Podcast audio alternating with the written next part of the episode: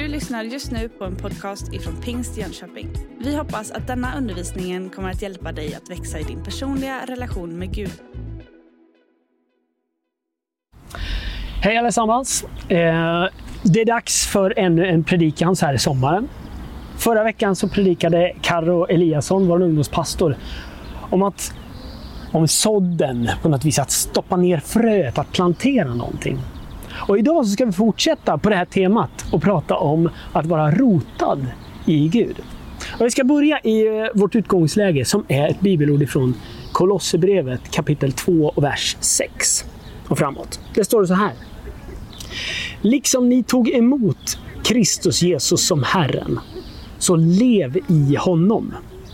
Rotade och uppbyggda i honom och grundade i tron i enlighet med den undervisning ni fått. Och låt er tacksamhet flöda över. Kristus är ju inte vem som helst. Ska man ta den här versen från början så står det att ni har tagit emot Kristus som Herren. Och Kristus är inte vem som helst. I Johannes evangeliets start då kan vi liksom erfara att Johannes pekar på att Jesus, han var ordet och ordet var Gud och ordet var hos Gud. Han var med från allra första början. När Gud säger liksom var det ljus och det blir en otrolig skillnad. Allt händer. Skapelseögonblicket påbörjas. Och i det där så är Jesus där. Fader, Son och Ande, den treenige guden, är på plats och startar vår historia.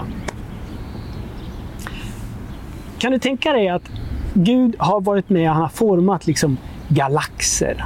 Han har format stjärnor. Han har format solsystem, planeter, månar, hav, kontinenter, relationer, populationer, arter, organismer, insekter, blommor som det finns här. Och en massa annat. Tänk att han har gjort allt det där stora, gigantiska och samtidigt så har han gjort det där väldigt detaljerade som du och jag genom vetenskapen utforskar för varje år som går. Kristus är också frälsaren. När, vi säger, när det står att vi ska leva, eller ni som har tagit emot Kristus som Herren, så handlar det om att han är frälsaren. Han är den som har gett oss möjligheten att bli förlåten våran synd. Han har gett oss möjligheten att få ett liv tillsammans med Gud. Och liv, inte bara här och nu på jorden, utan också i evighet tillsammans med honom. Och han är den som har öppnat upp den där porten när han offrade sig själv för oss på korset. Och därigenom öppnade porten igen. Att ha en tydlig, stark, levande relation med Gud. Sen står det också att Kristus är Gud. Alltså att han är Gud. Han är liksom inte bara en historisk person eller någon som är lite längre bort i hörnet av Gud. Utan han är del i treenigheten, Fadern, Sonen och Anden. Det här är en otroligt viktig del för dig och mig i vårt liksom, synsätt på vår tro och vem Jesus är. Jesus Kristus är central. Och om vi har tagit emot Jesus Kristus som Herren, då är det en otroligt stor kraft. Det är liksom inte bara en herre som en förebild eller någon jag har haft eh, och sett upp till under åren. Utan det här är Gud själv som är min förebild. Han är inte bara förebilden, utan han är min Herre. Det står så här, fortsättningsvis så står det att vi ska leva i honom. Ni som har tagit emot Kristus Jesus som Herren, så lev i honom. Det här har alltså inte att göra med någon slags särskilt ögonblick för länge sedan. Det är inte så att Gud på något vis, likt en urmakare, skapade liksom en klocka som sen tuffar på av sig själv. Utan här finns det en koppling att leva i honom. Själva prepositionen är superviktig i den här meningen. Vi kristna, vi är inte oberoende av Gud. Vi kan absolut göra våra egna val. Men vi är, om vi vill leva i honom, beroende av honom. Jag vet inte om du har, som jag, egna erfarenheter av att man åkte iväg på läger och sånt här. Kristna tillställningar, gudstjänster. Eller ibland så kanske vi Sök på något vis en påfyllningsstation. Och för mig så fanns det många sådana under mitt liv bakåt. Liksom jag, jag har åkt, jag har önskat att få möta Gud. Och det är ju ett skönt sätt, för jag tänker jag har en förväntan på en, ett tillfälle då jag vill möta Gud. Ibland kanske jag behandlar mina semestertankar så, eller resor, eller kanske utbildningar eller kurser, vad det kan vara. Det där tillfället längtar man efter man ser det som en påfyllning. Men det är jätteviktigt att komma ihåg att Jesus Kristus är så mycket mer och någonting helt annat än en påfyllningsstation. Det är liksom inte en person jag kommer till, utan det här talar om någonting helt annat. Det handlar om att leva i honom. Det är så författaren Paulus uppmuntrar oss till att göra. Lev i honom. Det är alltså inte en extern påfyllningsstation långt borta, utan behöver vara någonting tight, nära, på riktigt. Leva i handlar snarare om liksom en intim, levande, kommunicerande, pulserande kärleksrelation. Den här relationen den är liksom designad för att vara den djupaste och mest livgivande, inspirerande och kärleksfulla delen av våra liv. Den här relationen kan man ju fundera på, händer det bara per automatik då? När jag har sagt ja till Jesus, jag tror på dig Gud, händer det där bara per automatik? Jag uppfattar inte att det är så. Jag behöver återkommande i mitt eget liv kalibrera mig själv genom att ställa mig frågan, lever jag för Gud? Eller lever jag liksom till Gud för att ära honom? Eller lever jag utifrån mitt perspektiv av att jag tror att Gud finns? Eller lever jag, som Paulus säger och uppmuntrar oss till, i honom? Om man läser fortsättningen av versen så finns det några riktigt bra tips som kommer på någon slags kalibrering. Liksom ni tog emot Kristus Jesus som Herren, så lev i honom rotade, kom man till. Det finns så mycket djup i att snacka om rötter. Det här bibliska uttrycket och sammanhanget talar om att förbli i honom och tillåta honom att forma mig. Rotsystemet på något vis förser ju och är totalt nödvändigt för växtens fortsatta tillväxt. Det är livgivare. Det här är grunden som i väldigt stor grad är osynlig. Men gemenskapen med Gud, den, den är liksom tänkt att vara så tajt att den inte bara formar mitt snack eller kulturen i kyrkan eller gänget eller hos dig och mig personligen. Den är heller inte tänkt att bara forma våra prioriteringar. Att på söndagar då går jag till kyrkan. Jag fortsätter att läsa Bibeln. Jag fortsätter att be. Prioriteringar som kan kännas från utsidan sett lite stela kanske. Men från insidan sett så vet vi att rotsystemet är avgörande för livet. Det är tänkt att forma mitt djupaste jag. För några veckor sedan så var jag och min pappa ute och vandrade. Vi gick en tur på Omberg. Och, eh, I naturreservatet där. Och vi, vi gick runt, vi såg en massa olika natur. Väldigt spännande plats att besöka för övrigt. Och vid ett tillfälle på en del av vandringen så kom vi till ett ställe där det står till och med skyltar. Här kan ni se eh, följderna, konsekvenserna av de starka vindarna. Och så kommer man och möter gigantiska, alltså rejäla träd. Rötterna sitter, trädet går upp ungefär tre meter. Sen är det totalt avkapat. Och det är inte liksom maskinavkapat. Det är heller inte sprucket i någon slags spröd grej, utan det är brutet rakt av som jag bryter en pinne.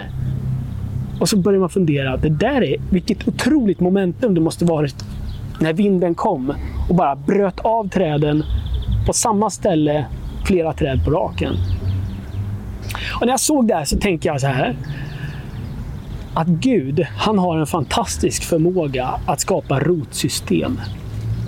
Det här säger inte bara någonting om att träden gick sönder, det säger också någonting om de träd som stod kvar av samma vind.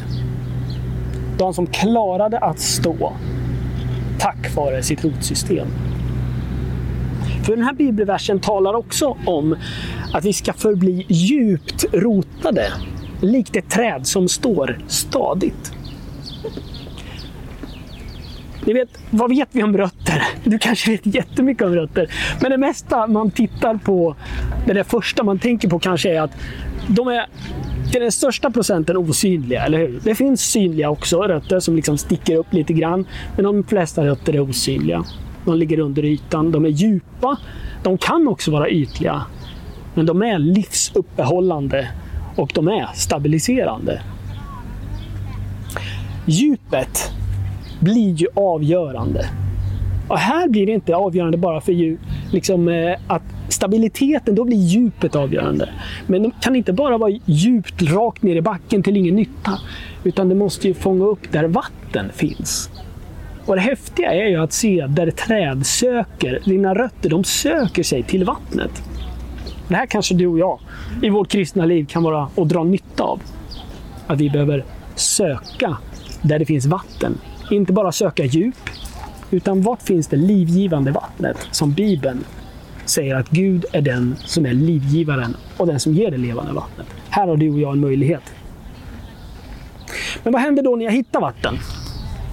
Jo, men då fortsätter versen. Så lev i honom, rotade och uppbyggda i honom. Trädets krona är ju totalt beroende av rötterna.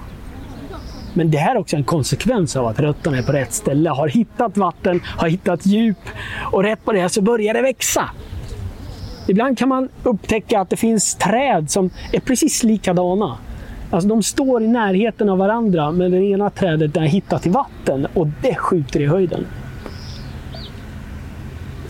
Resultatet, om du och jag hittar det levande vattnet, blir att vi blir uppbyggda i honom. Det är egentligen ganska logiskt. Att från att liksom plantera ett frö till att det får slå rot, till att det får näring, solljus, vatten. Då blir det så att det byggs upp. Det blir på något vis en automatik i det. Och det är Gud som har skapat det så. Men än en gång, prepositionen är avgörande. I den här versen så står det Lev i. Rotade i. Uppbyggda i. Grundade i. Kopplingen är otroligt tydlig. Genom den bibliska historien så kan man ju tyvärr se eh, ett mönster som jag känner igen i mitt eget liv också. Guds folk har på något vis fått Guds hjälp. Otroligt tydligt. Och nu börjar de klara sig själva. De har liksom fått stabil tillvaro. De har blivit uppbyggda. De har fått löv, de har fått frukt. De har liksom blivit nöjda. Och då börjar deras på något vis preposition förändras. Det där med att vara i Gud går sakta till att vara nära Gud. Till att gå till att vara bredvid Gud. Till ett mellanrum eller på avstånd. Långdistans och till slut någon slags bortglömd bortglömda ord. Vad var det Gud sa? Vad har han talat? Det här leder ju till att gudsrelationen, den blir kanske inte bortglömd, men åsidosatt. David Wilkerson, han är ju en författare till en bok som heter Synen, som har väldigt många speciella inslag. Men en av de passagerna där han talar om framtiden i någon slags profetia, eh, så talar han om de kristna. Och där säger att de kristna är inte syndare inför Gud, bara främlingar. Alltså, de kristna gör inte massa fel saker i framtiden. Men de har blivit främlingar för Gud. De har lärt sig att leva de rätta grejerna. De gör rätt saker, säger rätt saker. Men de har blivit främlingar för Gud. För mig så är det här så otroligt hjärtskärande. han fortsätter att beskriva hur man då i framtiden eller som kristna spenderar sin fritid. Och beskriver en del saker som i sig inte är fel. Men människan och den kristne har i den här beskrivningen valt bort Gud till förmån för det jordiska. Jag vet inte om du känner igen dig i mig, för det här är någonting som jag liksom studsar mot i livet ibland. Och jag, upptäcker, jag upptäcker att jag måste kalibrera om. Jag måste, nu har jag kommit till ett dike. Och ibland så kan det sammanfattas att jag spenderar mer tid med det skapade än med skaparen. Om man inte kan sin historia så är det ju lätt att den upprepas.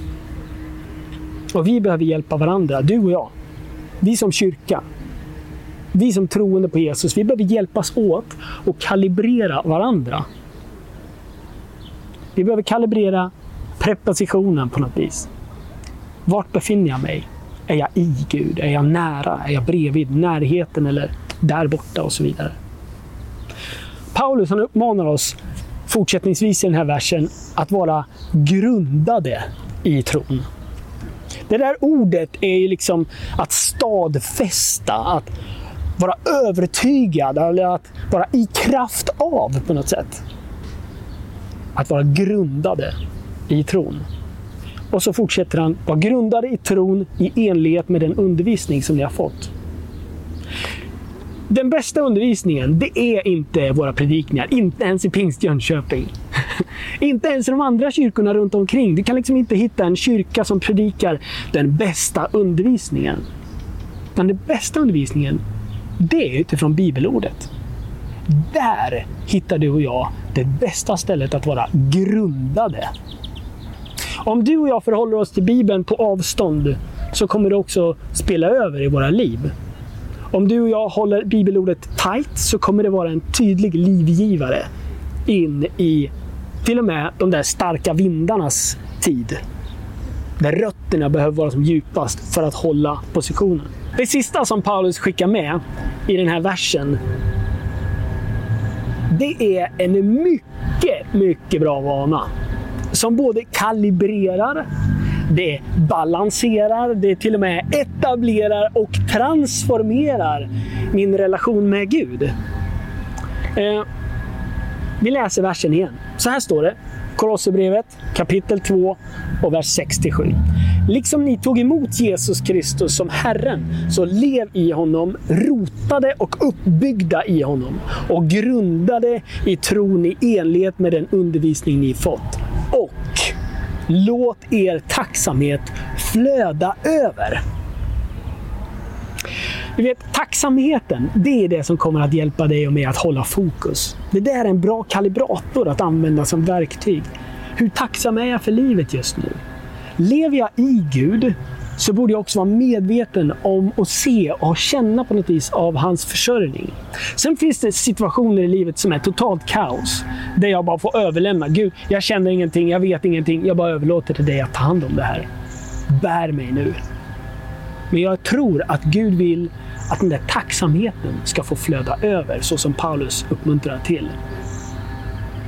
Det finns en eh, karaktär i en gammal eh, bok, Narnia, en av de böckerna som heter Justus.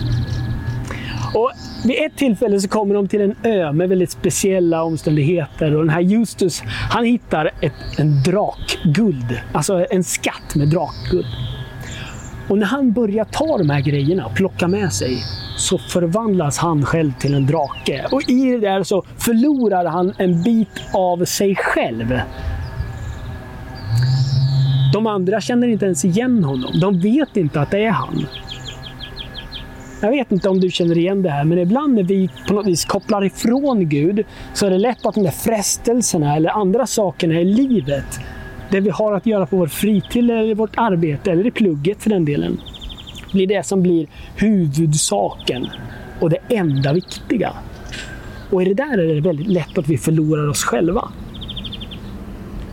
Som tur var så kunde Aslan befria honom, den här Justus, så han fick komma tillbaka och bli den där pojken som han egentligen var. I närheten av Aslan. Men det var det enda sättet. Och just det där med att få bli befriad ifrån vår självupptagenhet. att leva i Gud och i den där kärleken som vi fylls på med när vi är sammankopplade med Gud och lever i Gud, så blir vi utåtgivande till andra. Den här texten har handlat om att vara rotad i Gud. Kanske att du upplever, när du börjar kalibrera och tänka tanken över tacksamhet eller var har jag min grund någonstans? Att du känner ett behov av att säga Gud, jag behöver hjälp. Kalibrera om, justera, inspirera, var den största livgivaren i mitt liv. Gör om på något vis. Transformera mitt liv utefter din vilja. Om du känner igen dig i det så skulle jag jättegärna vilja be en bön tillsammans med dig. Jag vet inte vart du befinner dig just nu, men jag är övertygad om att när du och jag, oavsett var vi är, närmar oss Gud med ett ärligt hjärta, så är han aldrig långt borta. Han är precis där hos dig just nu. En del kanske, som jag, behöver säga förlåt till Gud ibland. Ibland ofta, ibland mindre ofta. Men det där är en viktig del i att vara en troende, att vara en Jesu lärjunge. Jag tror att Gud vill få vara din liksom, livgivare och din utgångspunkt i livet. Det är där du lever utifrån, nära alla de där andra prepositionerna. Men det djupaste är att vara i Gud. Det kan också vara så att du lyssnar på den här eller tittar på den här predikan eller den här gudstjänsten och tänker att ja, jag skulle behöva ett möte med Gud. Men du kanske inte känner honom sedan innan. Och då vill jag bara uppmuntra dig och säga Gud, han står med en öppen famn. Och han vill liksom säga Välkommen. Välkommen hem. Till mig. Jag är här för dig. För han kan verkligen vara den som transformerar och bygger upp ditt liv. När du och jag hittar våra rötter i honom. Tack älskade Jesus för att vi får komma till dig. Nu vill jag be dig för den person eller de människorna som just nu vill närma sig dig. Hitta tillbaka, sträck ut rötterna mot det levande vattnet och inte mot allt annat i livet som har tagit uppmärksamheten. Och jag vill be dig Jesus om att du just nu skulle komma nära och välsigna varje person som med ett ärligt hjärta närmar sig dig, Herre. Jag ber dig Jesus att du skulle ge kraft och påfyllning. Men också frälsning och räddning för den som känner hjälp mig. Rädda mig undan de här andra sakerna. Tack Jesus för att du är här och nu. Jag ber dig heligande, kom. I Jesu namn. Amen. Du har just lyssnat på en podcast ifrån Pingst Jönköping. För att få reda på mer om vilka vi är och vad som händer i vår kyrka så kan du gå in på pingstjonkoping.se eller följa oss på sociala medier via pingstjkpg.